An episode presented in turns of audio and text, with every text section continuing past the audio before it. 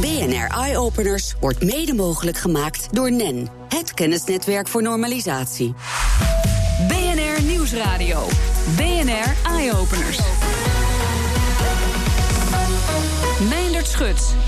En vandaag gaan we het in eye-openers hebben over een biosensor... waarmee je thuis hartklachten kunt monitoren... zodat je kan voorkomen dat je in het ziekenhuis belandt. Met onze biosensor kunnen we supergevoelig meten. Dus kun je heel vroeg in die afname zeggen... oh, wacht, het gaat niet goed.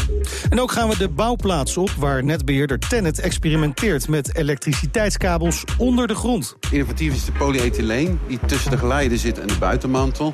En die moet dus heel dicht van structuur zijn, anders slaat het door. En we kijken hoe we met data de werkomstandigheden op kantoor kunnen verbeteren. Soms is het een beetje benauwd. Qua geluid is het ook niet altijd goed. Dat straks maar eerst. Je bestelt lekker makkelijk je kleding online, komt thuis na een lange dag werken en ziet dat je nieuwe shirtje door de brievenbus is gepropt. Of je haalt je pakketje op bij een postpunt en de doos heeft helaas onderop de stapel gelegen. Met als gevolg kreukels. Je kunt meteen gaan stomen en strijken. Ja, dat moet toch anders kunnen. Teun van der Laan van Roller, welkom in de studio. Uh, ja, mensen die PNR vaker hebben gehoord, die kennen jou misschien van het programma Duurzaam aantal jaar geleden. Ja, nou niet als presentator, nee, maar als nee, uh, redactie. Als ja. redacteur. Ja. Uh, je bent in dat duurzame hoekje gebleven, maar nu ook met kleding. Uh, de, de rollor, hè, dat, wat houdt dat precies in? Nou, we hebben een techniek ontwikkeld om kleding kreukvrij te verpakken. Iets kreukt als een bepaalde hoek maakt en er komt een bepaalde druk op. Als je die hoek niet maakt en die druk niet hebt, dan kreukt het niet. Dus heel makkelijk, we rollen het met een opstaande rand. Dat hebben we gedaan. Dat hebben we ontwikkeld in een consumentenversie. Dus eigenlijk die je kan kopen waarmee je met je pak of met je jurk kan reizen. En in een e-commerce verpakking waarmee je kreukvrije kleding kan opsturen. Ja, want nu gaan we het specifiek over pakketpost hebben, hè, waarmee ja. jullie uh, die kleding kunnen versturen netjes, zonder kreukels. Maar jullie hebben al een enige tijd die oplossing voor het reisverkeer. Juist, daar zijn we mee begonnen ooit met een hele luxe variant. En zo zijn we eigenlijk over de laatste jaren zijn we uh, gemigreerd naar een eigenlijk een een, een tweedeling waarbij we een consumentenlijn hebben en ja. een verpakkingslijn. Ja. Was het moeilijk om van die, van die reisvariant uh, uh, om te schakelen naar zo'n uh, pakket voor postbezorging? Nou, we wisten wel hoe de techniek werkte. Nou maken we er altijd in verbeteringen. Maar wat bijvoorbeeld ja. lastig was, is dat je met andere materialen gaat werken. En vooral met materialen, want het moet natuurlijk heel goedkoop. Ja. Uh, het gaat eigenlijk allemaal van om prijs. En het mag wel een heel klein beetje duurder zijn, maar eigenlijk liever niet. Dus dan ga je met materialen werken die normaal eigenlijk worden weggestopt. Bijvoorbeeld golfkarton is normaal materiaal wat je eigenlijk niet ziet. Nou, wij wilden dat wel laten zien. Okay. En om die uiteindelijk te vinden, dat is toch wel een stuk lastiger dan we dachten. Want waarom? Nou, er zijn gewoon heel veel bedrijven die kunnen dat niet. Of die zijn daar niet mee bezig. Of die denken, ja, we hebben dit Sowieso gewoon. een rol maken van, van karton? Nou, dat lukt wel, want ja? wij stoppen de onderdelen bij elkaar. We hebben een okay. designstudio in Den Haag die eigenlijk op maat alle producten maakt. En die zoekt uiteindelijk de leveranciers en producenten bij elkaar. Maar om die te vinden, dat is toch wel een flinke slag geweest. Ja, maar het is gelukt dus? Het is, uh, het is gelukt. We zijn daarmee ook al een tijdje op de markt. We doen uh, voor een aantal grote bedrijven verzenden we ook al uh, pakken en, en, jurken. En we zijn er heel recent, die is nog niet op de markt, zijn we ingeslaagd om eentje ook volledig van karton te maken. Dus we zijn nu ook okay. in staat om kleding op te sturen zonder nog enige vorm van plastic of, of wat dan ook. Ja, dat is wel een enorme stap voorwaarts. Hè? Ja. Dat, dat, dat plastic gewoon echt uit die pakketbezorging gaat. Want je, je krijgt vaak wel een kartonnen doos, maar die zit vol met plastic. Ja, om het toch nog op, op te vullen dat het niet heen en weer gaat schuiven. En daar hebben wij ook lang tegen aangelopen. Maar dat is, uh, dat is gelukkig nu uh, gelukt. Ja, nou gaat het zeker in die, in die kledingbranche om, om minimale marges. Hè, met, uh, ook met het bezorgen van die kleding. Ja. en je zegt, dit is eigenlijk een oplossing die misschien wel ietsje duurder is dan de ouderwetse oplossing. Ja. Zijn partijen dan wel echt geïnteresseerd? Nou, we hebben nu een variant die we prijsconcurrerend kunnen aanbieden. Uh, maar sinds anderhalf, twee maanden hebben we dat. Daarvoor waren we echt nog wel uh, in bepaalde gevallen wat duurder. Maar daarbij moet ik wel zeggen, vaak qua aanschafprijs. Kijk, als je naar de hele logistiek of naar het hele proces kijkt, dan kan het wel weer goedkoper zijn. Omdat de retouren bij ons beter aankomen. Dus heb je op dat gebied minder kosten. Veel van onze producten, okay. de helft kan nog een keer gebruikt worden. Als je dat allemaal meerekent, dan konden we ook al scherp aan de prijs. Maar op dit moment hebben we uh, ook eentje die daadwerkelijk uh, prijscompetitief is. Ja, maar toch, hè, het gaat uh, vaak om jurken, om pakken waarschijnlijk. Ja. mikken jullie toch op het hogere segment? Uh, dat deden we wel. Nu hebben we voor elke. We hebben een technologie en we zeggen eigenlijk: Nou, dit, dit is het product. We kunnen het zo mooi maken als jullie zelf willen. Ja. Uh, eigenlijk vanaf de prijs waarop je ongeveer nu instapt op een gewone normale doos. Die bijvoorbeeld een beetje mooi versierd is of niet. Dus we krijgen, kunnen eigenlijk alle kanten op. Oké, maar even, als je echt groot wil denken, dan moet je denken aan bijvoorbeeld een partij als Zalando. Ja. Is dat een partij waarvan jij denkt, nou, die zouden best wel eens over willen stappen?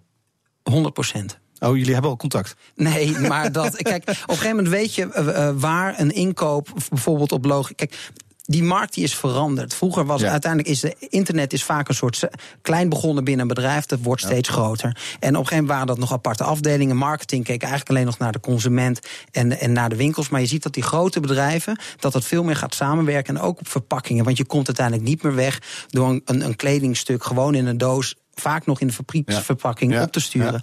En als je weet dat je uiteindelijk die, die, die inkopers, de managers en, en de marketing uh, kijkt van nou, dit vinden we belangrijk. Het mag niet meer kosten, maar we willen wel dat de klant eigenlijk, eigenlijk moet de klant het op belangrijk vinden dat die zijn kleding op een juiste manier duurzaam, maar ook kreukvrij ontvangt.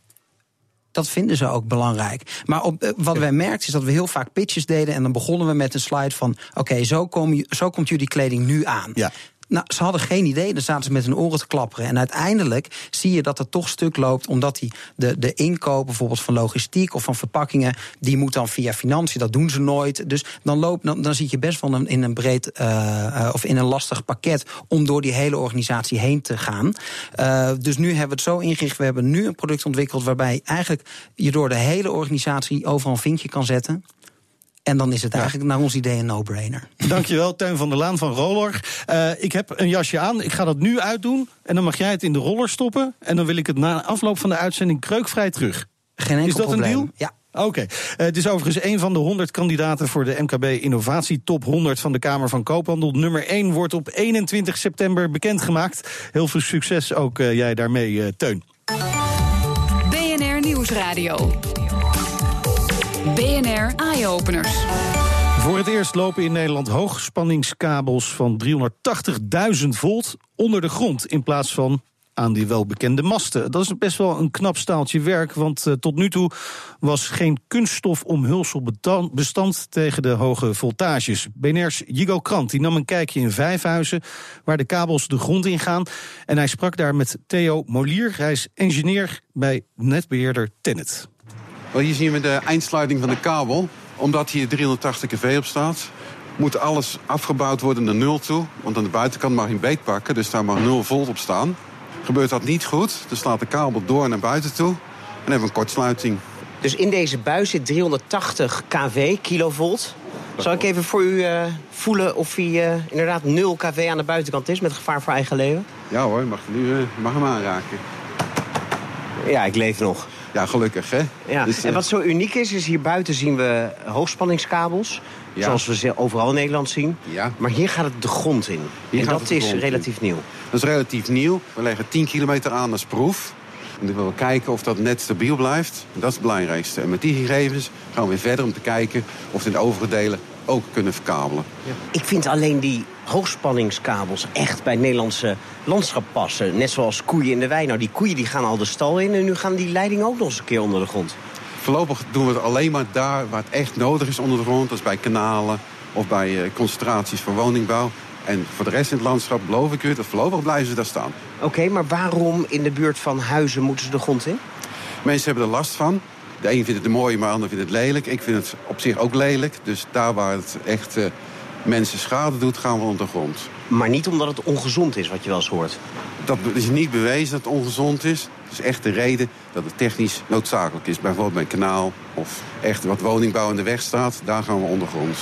U zegt, het is niet bewezen dat het ongezond is... maar mensen hebben wel de perceptie dat het ongezond is. En verder zegt u zelf, u vindt het ook niet mooi. Dus ik kan me wel voorstellen dat mensen die in de omgeving wonen... van die hoogspanningskabels, willen dat het onder de grond is. Denkt u, als het straks mogelijk is... dat ook daadwerkelijk veel meer van deze leidingen onder de grond verdwijnen? Het moet natuurlijk ook wel kunnen. Want we trekken natuurlijk wel een sleuf van 40 meter breed... om die kabels kwijt te kunnen. En die ruimte moet er ook wel zijn om daadwerkelijk ondergronds te kunnen gaan. En daarnaast is het de overheid, de politiek die de beslissingen neemt. Het is natuurlijk een maatschappelijke beslissing. Want u en ik betalen met z'n allen mee voor het stukje ondergrondse aanleg. We doen dit al jaren, als het nodig is. Wat is hier dan zo innovatief aan? Innovatief is de polyethyleen die tussen de geleider zit en de buitenmantel. En die moet dus heel dicht van structuur zijn, anders slaat het door. U heeft jarenlang gezocht naar het perfecte materiaal. Ja, de constructie van het materiaal, het kunststofmateriaal, is dus steeds dichter geworden. Maar het ziet eruit, precies als, dat, als die pijpjes waar ik vroeger van die papieren pijltjes mee schoot. Ja, dat klopt. Alleen is dat dan uh, PVC. En uh, wel leuk dat u dat zegt. Het PVC is natuurlijk, als je dat in de zon legt, het buisje... en dan laat het een paar jaar liggen en je pakt het op... dan breekt het gewoon, wordt het gewoon bros. Nou ja, onder de grond heb je geen zon. Nee, dat klopt. Maar goed, het is een polyethyleen, dus het, het werkt niet meer. Het is een dood materiaal inmiddels geworden. Dus het werkt niet meer en het blijft, uh, qua constructie blijft het hetzelfde. In tegenstelling tot uw PVC-buisje. Heel slecht voor het milieu dus. Uiteraard. Maar we leggen natuurlijk een ring over uit en het dient een ander doel dan het milieu. Het gaat om transport van energie. En dat was uh, verslaggever Jigo Krant in gesprek met Theo Molier van Tennet. En straks hartfalen thuis in de gaten houden met een compacte biosensor... en een bedrijf dat techniek inzet voor het verbeteren van de werkomstandigheden op kantoor. BNR Nieuwsradio. BNR Eye-Openers. Afgelopen weekend organiseerde de Technische Universiteit Eindhoven een wedstrijd waarbij studententeams van over de hele wereld aan de slag gingen om een biosensor te ontwikkelen waarmee het mogelijk moet worden om zelfs thuis hartklachten te monitoren. We praten erover met Menno Prins van de TU Eindhoven. Hij kan er alles over vertellen. Welkom in de show. Ja, hallo. Ja, allereerst een biosensor. Wat is dat precies? Een biosensor is een klein apparaatje waarmee een, uh, in een stof, een lichaamsstof, bijvoorbeeld uh, bloed of urine of speeksel, een, uh, een molecuul gemeten kan worden. En het niveau van het molecuul moet dan iets vertellen over gezondheid of ziekte. Oké, en dat kan dus ook het hart in de gaten houden. waarom is het zo belangrijk dat er een, een wedstrijd als deze wordt georganiseerd om zoiets te ontwikkelen? Er is grote behoefte aan uh, vernieuwing in het, of verbetering van het onderwijs en de innovatie in het veld van biosensoren. Het is namelijk zo dat er zijn ontzettend veel ziektes uh, waarbij het, moleculaire informatie, dus de, waarbij de chemische conditie van het lichaam essentiële informatie geeft om de, de, de, ziekte in de gaten te houden of de ziekte te diagnosticeren. Maar er zijn nog maar heel weinig apparaten beschikbaar okay. waarmee dat kan. Terwijl uh, die, die metingen kunnen al wel gedaan worden in het ziekenhuis. Ja. Maar de toekomst van de gezondheidszorg is dat steeds meer de zorg bij de huisarts, bij de verpleegkundige of thuis wordt geleverd. Dus zijn er compacte apparaatjes nodig waarmee die tests gedaan kunnen worden. En vandaar dus die wedstrijd. En het team van de TU Eindhoven heeft zelf drie prijzen binnengesleept. Imke van der Schoor, jij zit in dat team. Gefeliciteerd. Ja, dankjewel. Hoe, hoe zit jullie ontwerp precies in elkaar? Um, wij hebben een biosensor gemaakt die gebaseerd is op uh, magnetische deeltjes. Um, want het eiwit dat we moeten detecteren, dat is uh, in orde groot van nanometers. Dus dat kun je natuurlijk zelf nooit zien. Maar we hebben er twee magnetische deeltjes aan gehangen, uh, met andere antilichamen. Zodat we als we die rond laten draaien met magneten en er een laser op schijnen, je ineens wel kan zien en je eigenlijk gewoon het aantal eiwitten kan tellen. Oké, okay, en uh, eigenlijk is dit dus een, een compacte, compacte versie van een systeem dat in het ziekenhuis al gebruikt wordt. Uh, hoe, hoe, moeilijk is het om daar zo'n compacte versie van te maken?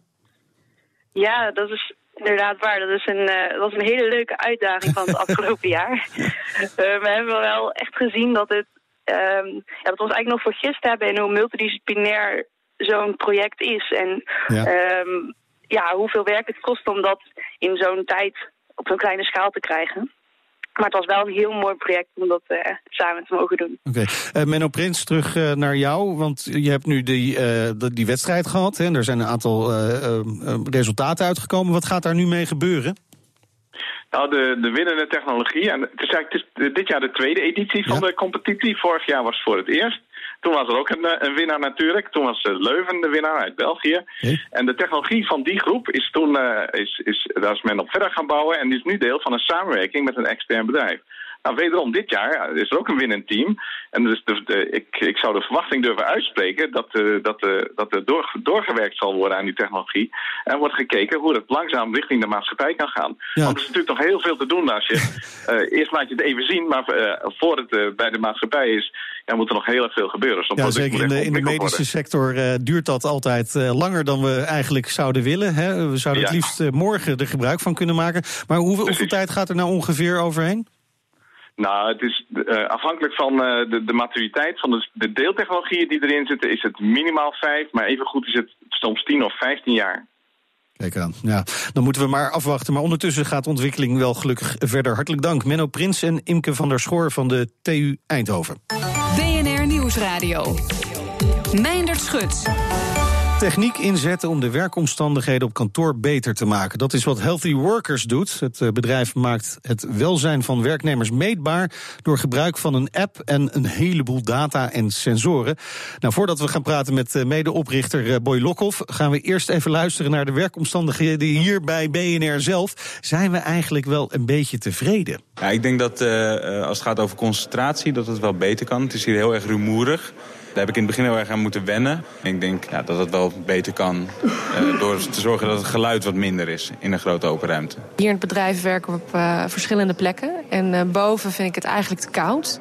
Waardoor ik eh, niet echt eh, goed eh, kan concentreren. De luchtkwaliteit laat nog wel eens te wensen over. Soms is het opeens heel koud, vooral bij het raam. En eh, soms is het een beetje benauwd. Qua geluid is het ook niet altijd goed. Eh, ik heb wel vaker gehad dat iemand aan de telefoon vroeg... eh, wat er allemaal op de achtergrond aan de hand was, omdat het dan zo lawaaiig is. Dus het is soms een beetje moeilijk telefoongesprek voeren. Ik vind het wel prettig dat het heel licht is hier. Er komt heel veel licht binnen. Nou, gelukkig ook nog iets positiefs, eh Boy Lokhoff. Eh, we horen eigenlijk drie dingen hè, over BNR. Eh, het, geluid, dat is lastig. Ja, je werkt bij een radiostation, misschien heeft dat ermee te maken. Overigens werk ik al zo lang dat ik niet meer zonder geluid kan werken eigenlijk. De, de, de luchtkwaliteit en de temperatuur. Zijn dit herkenbare zaken? Absoluut. En ik begrijp nu ook overigens toen ik binnenkwam waarom ik zo hartelijk werd ontvangen door de rece- receptioniste. Eh, nee, zeker. Deze drie thema's die zien we veel terugkomen. Eh, waarvan luchtkwaliteit misschien nog wel het belangrijkste thema is. Ook omdat het heel persoonlijk is. Ja. En ehm, eh, jij geeft al aan, je hebt er misschien minder last van. ehm, maar ja, sommige mensen hebben dat meer. En dat is nou juist, denk ik, ook de belangrijkste eh, essentie in waar wij een oplossing voor hebben. Dat je aan de hand van de teams in je organisatie, Ja. eh, dat je daar eigenlijk de werkomgeving op gaat toepassen. Ja, maar dat lijkt me zo moeilijk. We horen hier eh, zaken als temperatuur. Nou weet ik echt dat als de een het koud vindt, vindt de ander het warm. Luchtkwaliteit zeg je ook al, dat is ook een beetje persoonlijk. Hoe kun je nou die persoonlijke wensen omzetten in ja, toch wel iets wat een generieke ruimte is, namelijk een kantoor? Ja, nee, dat is ook eh, absoluut ehm, eh, een groot probleem bij bedrijven. Ehm, en dat geeft ons denk ik ook bestaansrecht. Wat wij doen is zowel objectieve data meten, dus gewoon met sensoren. Ja. Weet En je wat precies meten hoe de dan? De luchtkwaliteit is? luchtkwaliteit, eh, Fijnstof, fijnstof, luchtkwaliteit, temperatuur, ehm, eh, ook vervuilende gassen. Waar de irritatie vandaan komt als Oh, je ja. last van je ogen hebt. Ja. Of, en daarnaast de subjectieve data. En dat is dus echt eigenlijk ook het belangrijkste wat we eh, meten. En daar hebben we die app voor. En dat is dus eh, het welzijn van werknemers. En eh, stress en engagement zit daar ook in.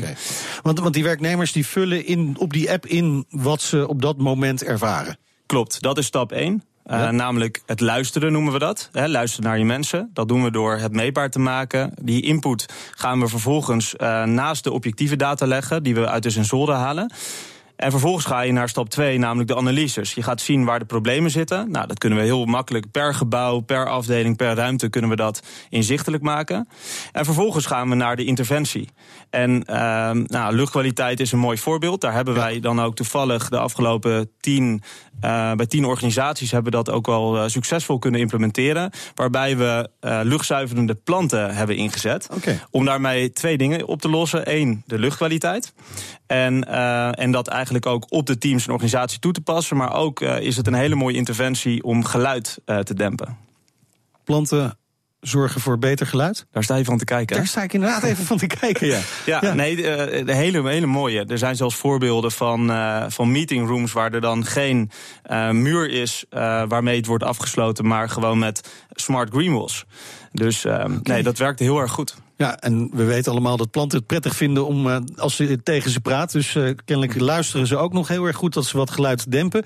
Um, nou kan ik me voorstellen, ja, een paar planten neerzetten, daar kan elke leidinggevende wel in meegaan. Die zal dat wel accepteren. Maar eh, je moet natuurlijk aan de voorkant die leidinggevende al meekrijgen in dat onderzoek. En die denkt waarschijnlijk, ja, dit gaat me allemaal weer geld kosten. Het is heel subjectief. Hoe krijg je die mee in dit proces? Ja, ik denk dat, uh, dat, dat euro's daar belangrijk in zijn. Euro's. Uh, dat klinkt heel plat. Uh, maar ik denk ook dat bij grote bedrijven waar wij ons op richten, is dat ook wel heel belangrijk. Er wordt namelijk onwijs veel geld uitgegeven, tonnen, soms zelfs miljoenen bij corporate bedrijven. Alleen weet men niet wat de effectiviteit is van die investering. En dat is nou juist wat wij inzichtelijk maken door dat te vertalen naar productiviteit en naar stress. En nou goed, ik hoef je niet uit te leggen dat als je mensen productiever worden, dat je daarmee uh, waarschijnlijk ook uh, meer geld gaat verdienen. En, en dat is het die investering wel waard. Leveren jullie ook die oplossing? Hè? Jullie meten, jullie objectiveren, jullie maken duidelijk wat de analyse is. En leveren jullie vervolgens ook de oplossing aan? Ja, je moet ons eigenlijk zien als een marketplace waar wij aan de ene kant bedrijven die die interventies leveren op het gebied van de werkomgeving, body and mind en voeding. Ja. Die um, connecten wij of matchen wij eigenlijk met de medewerkersdata waar zij behoefte aan hebben. Dus we werken samen juist met interventiepartijen die dit al succesvol doen. En uh, je zorgt er eigenlijk voor dat de werkgever ziet wat het oplevert. Dat de interventiepartij kan aantonen dat het ook daadwerkelijk effectiviteit uh, resulteert. En het allerbelangrijkste is dat we die werknemer gelukkiger en gezonder maken. En waar kunnen mensen jullie vinden? Die kunnen ons vinden op healthyworkers.nl. En uh, ja, dan is het één stap verwijderd naar, uh, naar een telefoontje of een mailtje. En dan gaan we graag uh, in gesprek. En we richten ons wel met ja. name op de wat grotere organisaties. Dankjewel, Boy Lokhoff, medeoprichter van Healthy Workers. BNR Nieuwsradio. BNR Eye Openers.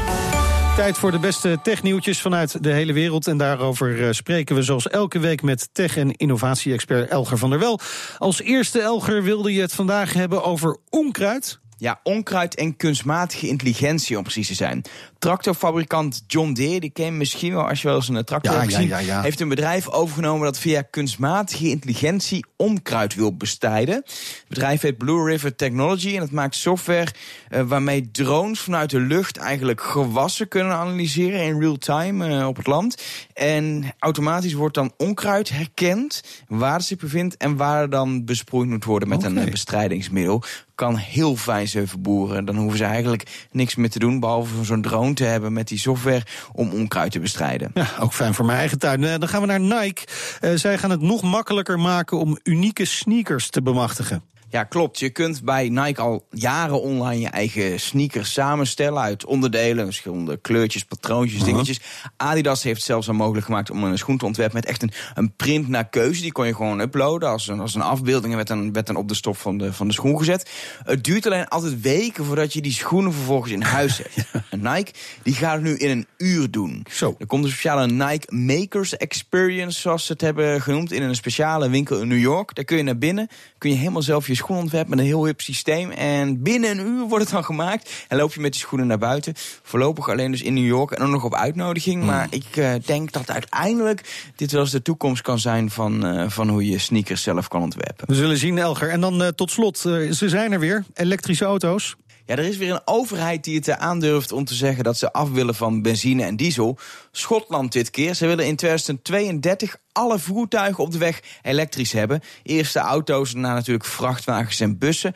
En dat doen ze vooral door eigenlijk te investeren. Het is ook ja, dit is zo'n ja, dat is een statement, maar ze zeggen echt: we gaan investeren om dit mogelijk te maken. Zo gaan ze de A9, de lakste weg van, van Schotland, helemaal ombouwen tot wat ze noemen een elektrische snelweg. Heel veel oplaadpunten langs de weg, plekken waar je bij kan laden. Zorgen dat de infrastructuur op orde is voor als je een elektrische auto hebt en langere afstanden moet rijden. En het grappige is, Schotland is natuurlijk onderdeel van het Verenigd Koninkrijk. En die hebben ook wel plannen, maar die kijken naar 2040. Dus Schotland gaat eigenlijk binnen het Verenigd Koninkrijk nu verder voorop lopen. Dankjewel Elger. Meer innovaties met impact vind je op bnr.nl slash eyeopeners. Op Twitter vind je ons via BNR Innovatie. En de hele uitzending die kun je natuurlijk terugluisteren als podcast via iTunes en Spotify. Je hoort ons in de toekomst.